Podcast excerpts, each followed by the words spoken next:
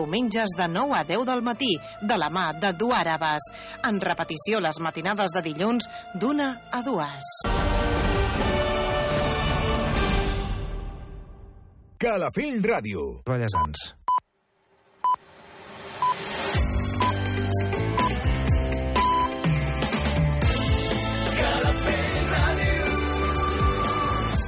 Són les 8. Escolta'ns a Calafell Ràdio, al 107.9 de la FM. Mira'ns al web calafell.tv. Sent Calafell allà on siguis. Calafell Ràdio. 107.9 L'Hora del Jazz. Un programa que t'apropa als millors compositors i les obres del gènere més rellevants. Ramon Robuster dirigeix i presenta L'Hora del Jazz, els dimecres de 8 de la tarda a 10 de la nit, amb repetició els diumenges a partir de les 11 de la nit.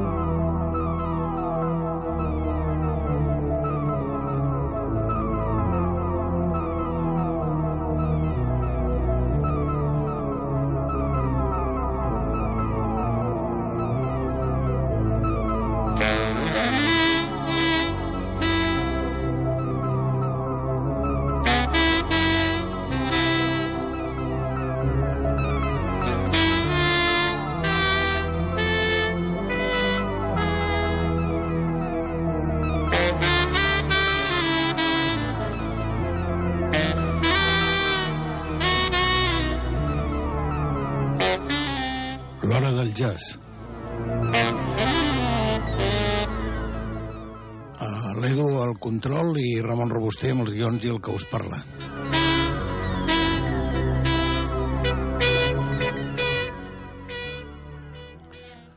Uh, portem una novetat de pràcticament fa una setmana i que se, se, està dintre d'aquesta història que moltes vegades hem intentat fer i que hem fet a l'hora del jazz de Calafell Ràdio, que és portar eh, alguna peça, algun, alguna gravació de fa uns anys que realment val, valgués la pena. Aquesta, tot i que no és una, una gravació de fa uns... Sí que és una gravació de fa uns anys, però no es havia editat mai i s'ha editat eh, el 18 d'aquest novembre del- d'aquest any, del 2022. Estic parlant de un doble CD del senyor Elvis Jones eh, que porta el nom de Revival en directe des del pub Pokis eh, de New York. Eh, ho podeu trobar, és una edició de la Brunot, per tant no hi ha cap problema per trobar-ho. Ho podeu trobar, com dic, amb un doble CD o amb tres LPs eh, amb, amb, amb, amb una edició eh, de luxe, eh, sobretot els LPs, eh, perquè porta, no sé si hi ha 15 o 16 pàgines de fotografies i de i d'explicacions de tot el que va relacionat amb aquesta gravació que havia estat eh, durant més de 10 anys la, la tenien, però no, no, no l'havien tret, a, no l'havien tret com a, al mercat per poder-la gaudir. Eh, pràcticament 15 dies més tard de la mort de John Coltrane, eh, en el que Elvis Jones tocava amb el seu quartet famós, eh, que, en el que estava amb el Jimmy Harrison i amb el McCoy Turner, era el quartet bàsic d'aquells anys 60 de John Coltrane. Després de la seva mort, com dic, al cap de 15 dies, el Elvis Jones el, va formar un quartet eh, que ell seria el protagonista i el líder, i que amb ell hi havia eh, ni més ni menys que el Joe Farrell, amb el saxo tenor i la flauta, el Billy Green i el Harry Young amb el piano, hi havia una alternança de tant en tant, hi havia un pianista o un altre, i el Wimbur Lead amb el baix. i a una distància molt pròxima al Vilas Vanguard, eh, amb, amb aquest club, el Polkis, que era un club eh, petit, era un club que eh, havia sigut, antigament, havia sigut un, un restaurant italià, com molts d'aquelles èpoques que hi havia a New York, i, i es va dedicar durant, pràcticament, va acollir des de la, des de la tardor del 1966 fins, fins un any, pràcticament després, va acollir aquest, eh, aquest, durant un temps aquest quartet de l'Elvis Jones i altres grups, i era, hi havia una, una cosa singular que per poder escoltar amb aquests, amb aquests grups no, no es tenia de pagar. No, no hi havia cap aportació a l'entrada, no, no es tenia de pagar.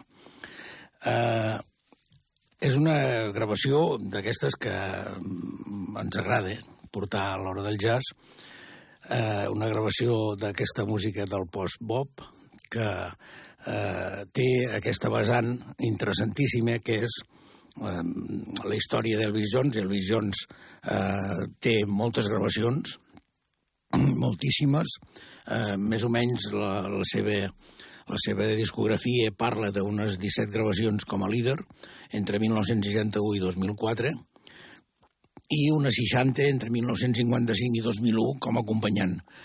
Eh, L'Elvis Jones va néixer el 9 de setembre de 1927 a Pontiac, a Michigan, a Pontial, a Michigan, no, no és Pontiac, Pontial, a Michigan, i va néixer eh, amb una família mm, de 10 germans, eh, entre els que també, bueno, no hi havia germans que eren ni més ni menys que Tad Jones i Hat Jones, que després es van convertir també en una llegenda com ell del, del jazz.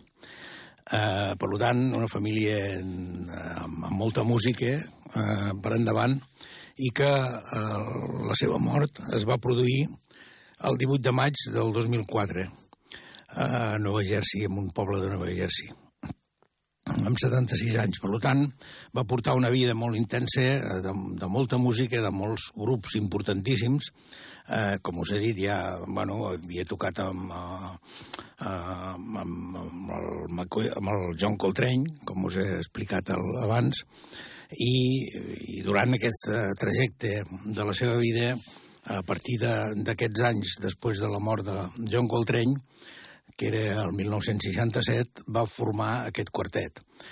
Eh, I posteriorment, durant molt de temps, va tindre aquest quartet. Precisament aquest quartet va estar tocant amb ell durant pràcticament des, de, des del juliol fins abans de Nadal, amb aquest grup, eh, pràcticament cada nit i era molt singular perquè hi havia moments que eren un quintet, no era un quartet, sinó que era un quintet.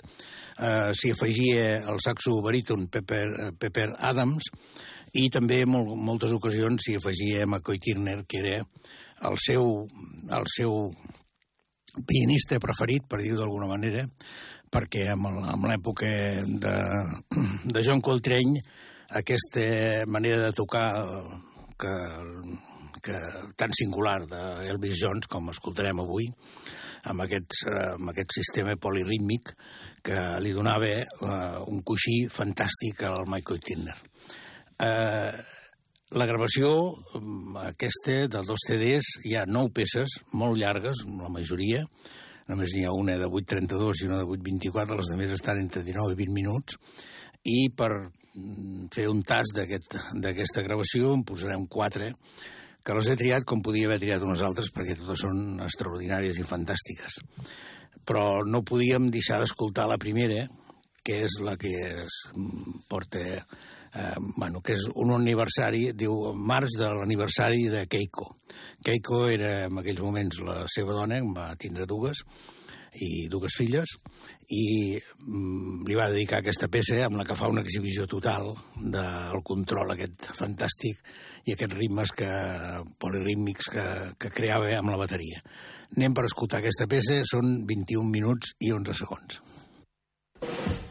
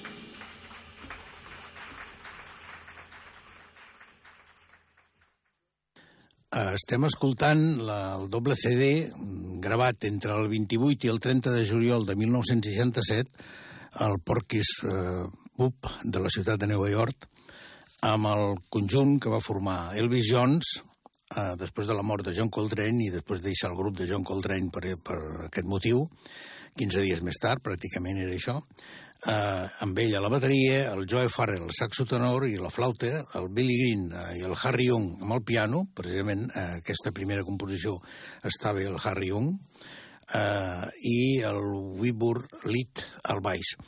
Eh, hi ha una segona peça, que la saltarem, en la que hi ha una exhibició total del, del pianista Larry Young, que és amb les dues de, la, de les nou que formen aquests doble CD, que intervé i que aquest home estava molt acostumat a tocar l'orgue i toca el piano com si fos un orgue. Però el temps a la ràdio és important i tenim de seguir amb altres peces que jo crec que poder són una mica més interessants que aquesta. Uh, la que escoltarem a continuació la porta el número 3 de la gravació, que és l'Avinguda B, escrita precisament pel saxo tenor Joe Farrell. Eh, jo crec que eh, el control d'aquest quartet el porta, el, com, és, com, com es nota, eh, l'Elvis Jones, però hi ha moments en què el Joe Farrell fa una, una frenètica... Eh, bueno, hi ha, un, hi ha uns moments frenètics, com veureu aquí amb aquesta gravació de l'Avinguda B, i que bueno, s'acompaginen perfectament, vaja, va, va, és un duo increïble, i l'acompanyament, eh, en aquest cas del Billy Green amb, amb el piano i el baix del Windor Lead és fantàstic. Escoltem aquesta peça que també estem amb, amb 16 minuts i 40 segons. I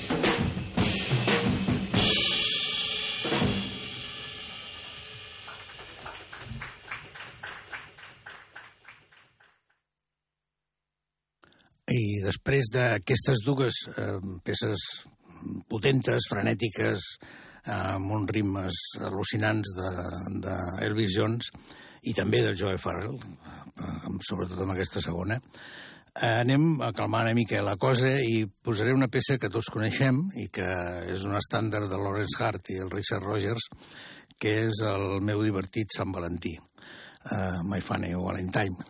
Eh,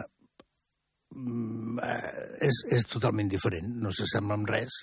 És una peça que la tenim tots en ment, que l'hem escoltat de mil maneres, però aquesta és la, la que fa 2000 ja, no sé, és, és, és increïble.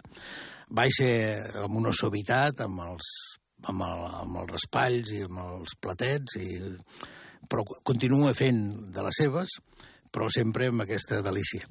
Eh, era Eh, era conegut que li agradava alguna cosa així més melòdica, més, més, tra més tranquil·la a Elvis Jones.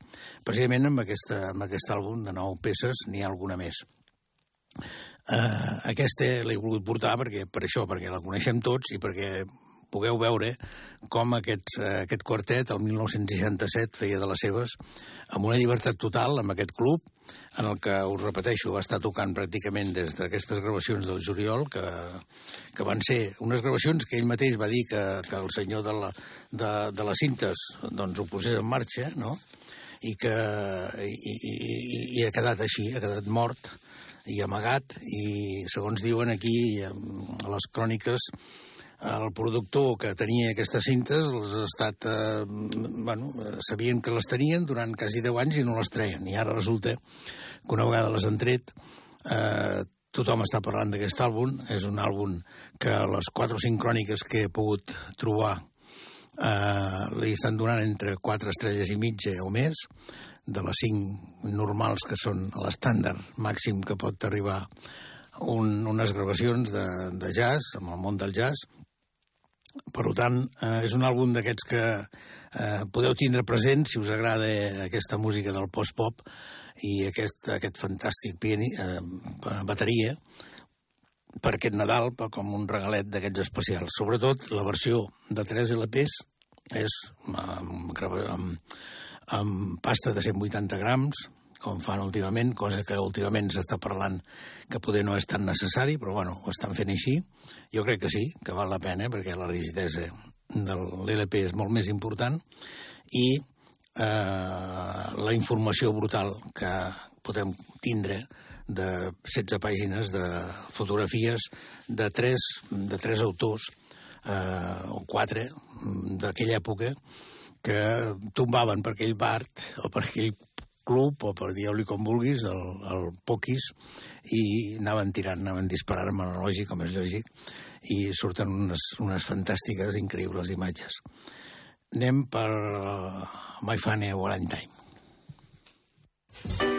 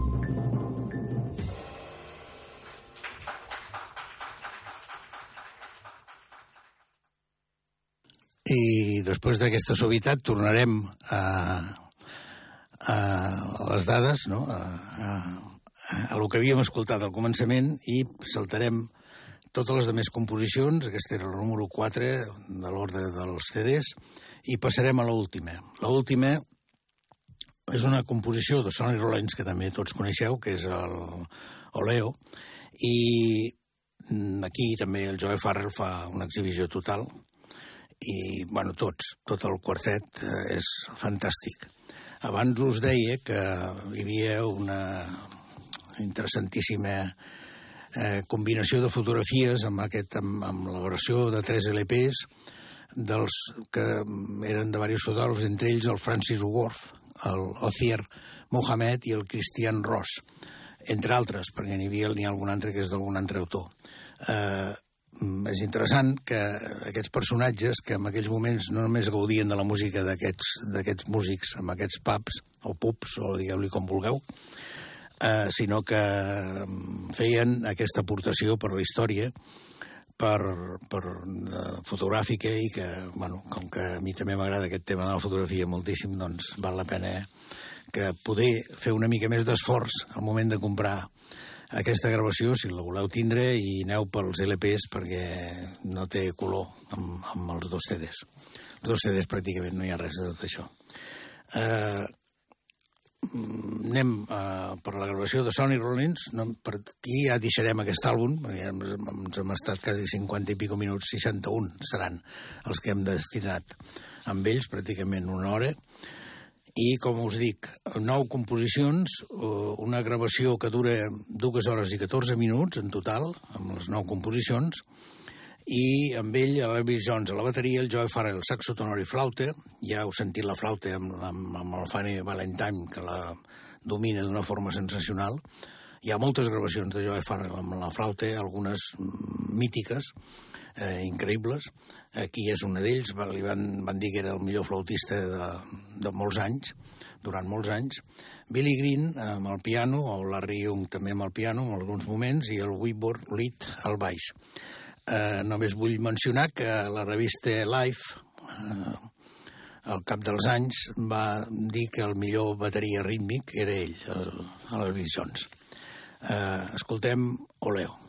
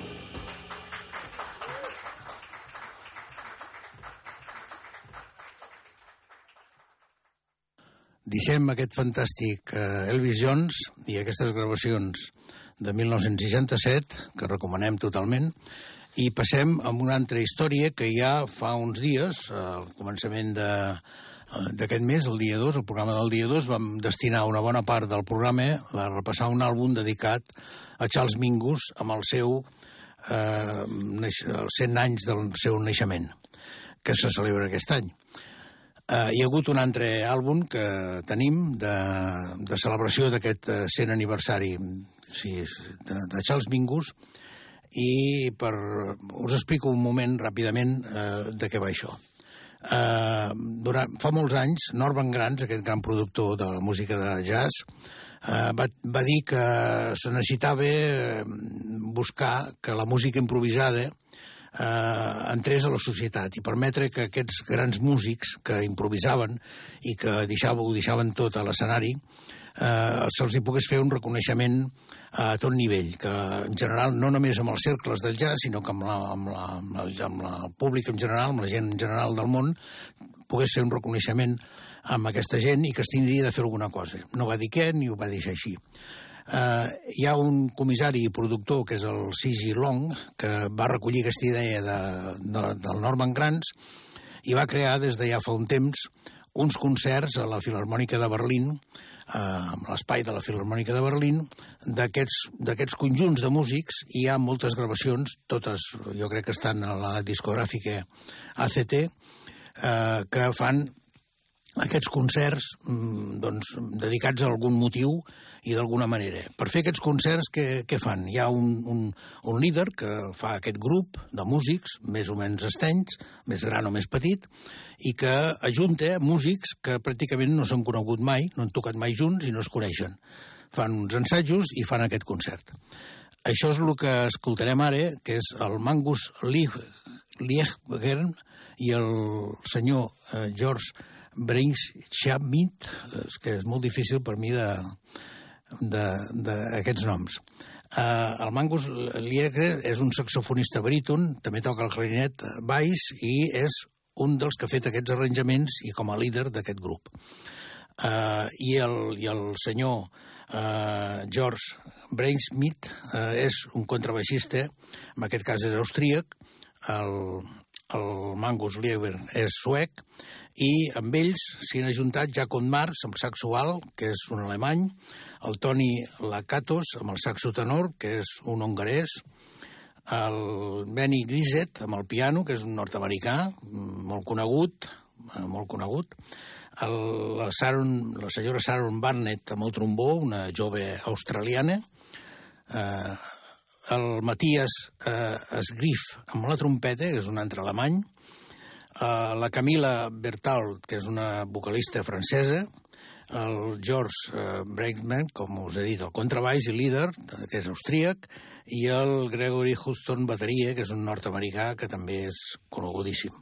Per tant, hi ha una barreja de, de gent del món, eh, com era l'idea del, del productor Sigi Long, per fer aquesta història. I aquest, en, aquest, en aquest moment, eh, poder per la participació de, del, del contrabaixista, que és un contrabaixista que ha dedicat molta part de la seva vida a la música clàssica i després va de cantar cap al jazz i que és un personatge que toca d'una manera diferent al contrabaix, doncs van fer aquest, aquestes composicions, van agafar aquestes composicions, eh, quatre estan eh, arranjades per aquest contrabaixista i les altres quatre bueno, hi, ha unes, bueno, hi ha una barreja, n'hi ha algunes que estan entre els dos arranjades. Un total de sis composicions de Charles Mingus amb unes versions especials, diferents, i que donen aquest homenatge de la, eh, com aquest concert de la Filarmònica de Berlín que es va celebrar el 24 de juny d'aquest any. El podeu tindre a ACT com un LP o com, una, com un CD. Eh, anem per les dues primeres composicions que us posaré, que és la 1 i la 2, que és la rol de gelatina i una altra que tots coneixem, que és el uh, Febles of Phoebus.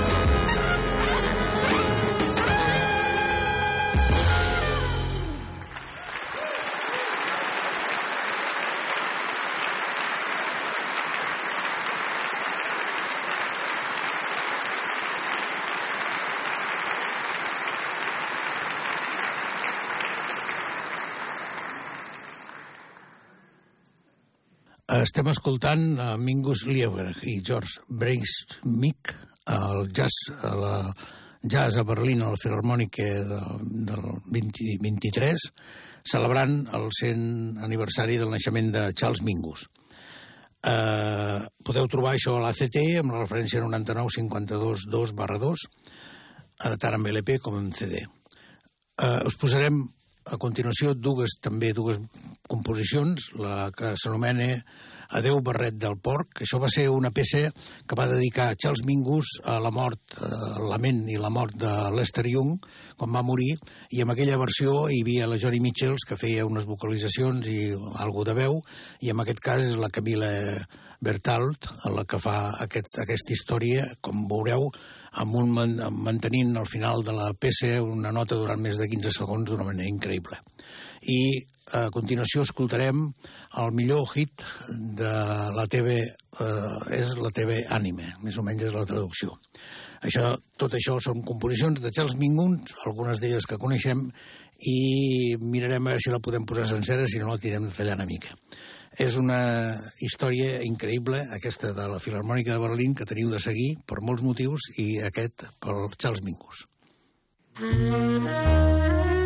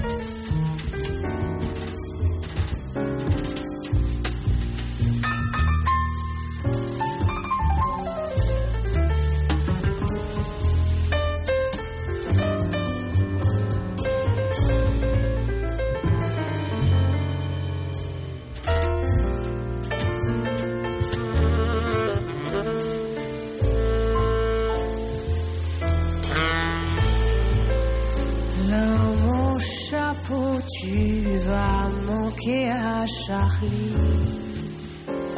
Le vent chante des sanglots depuis que tu es parti. Une corde vient encore de se